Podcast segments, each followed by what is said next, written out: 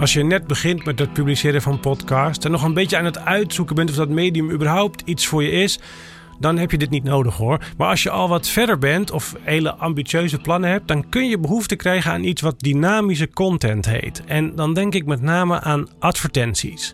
Dit is Kennisbank aflevering 70. Wat is dynamische content? Ik ben Hajo Magde. Tussen de Oren, de podcast over podcasting van NAP1. Wij maken audiocontent.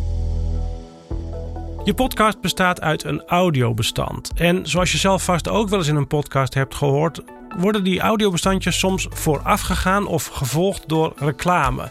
En soms zitten die reclames ook in het midden. En in podcastland noemen we dat soort reclames een pre-roll, een mid-roll of een post-roll.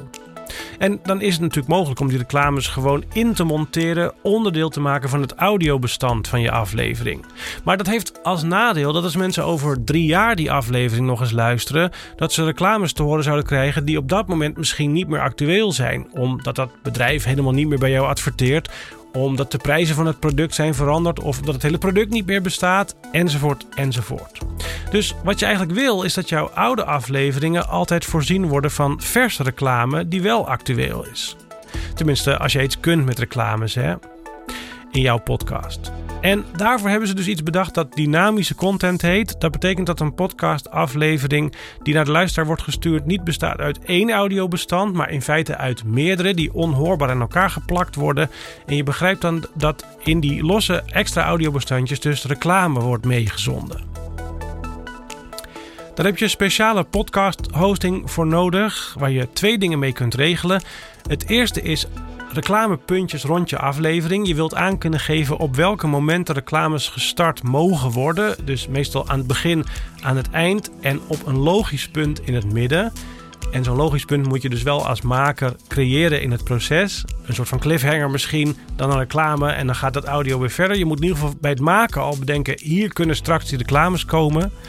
En het andere wat je nodig hebt is een bakje met reclames.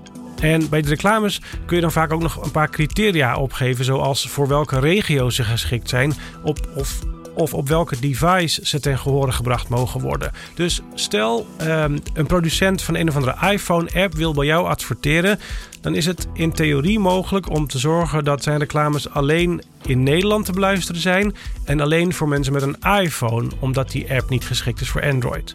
En alleen mensen die aan die criteria voldoen, die krijgen dan die reclame te horen. Dynamische content dus wordt veel gebruikt voor podcast advertenties, maar je kunt er ook andere dingen mee doen. Je kunt er bijvoorbeeld ook mee zorgen dat je cross-promotie doet tussen verschillende podcasts. Dus als je een heel goed hoofdkanaal hebt, waar de oude afleveringen nog steeds heel goed beluisterd worden, dan kun je een promo laten horen voor een nieuw spin-off kanaal bijvoorbeeld. Of voor de podcast van heel iemand anders, dat je pas recent hebt gestart.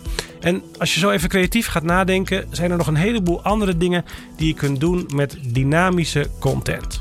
Dat was het. Je kunt de informatie uit deze aflevering ook terugvinden in de podcast Kennisbank op onze website. Dit was Tussen de Oren van NAP1. Wij maken audiocontent. NAP1.nl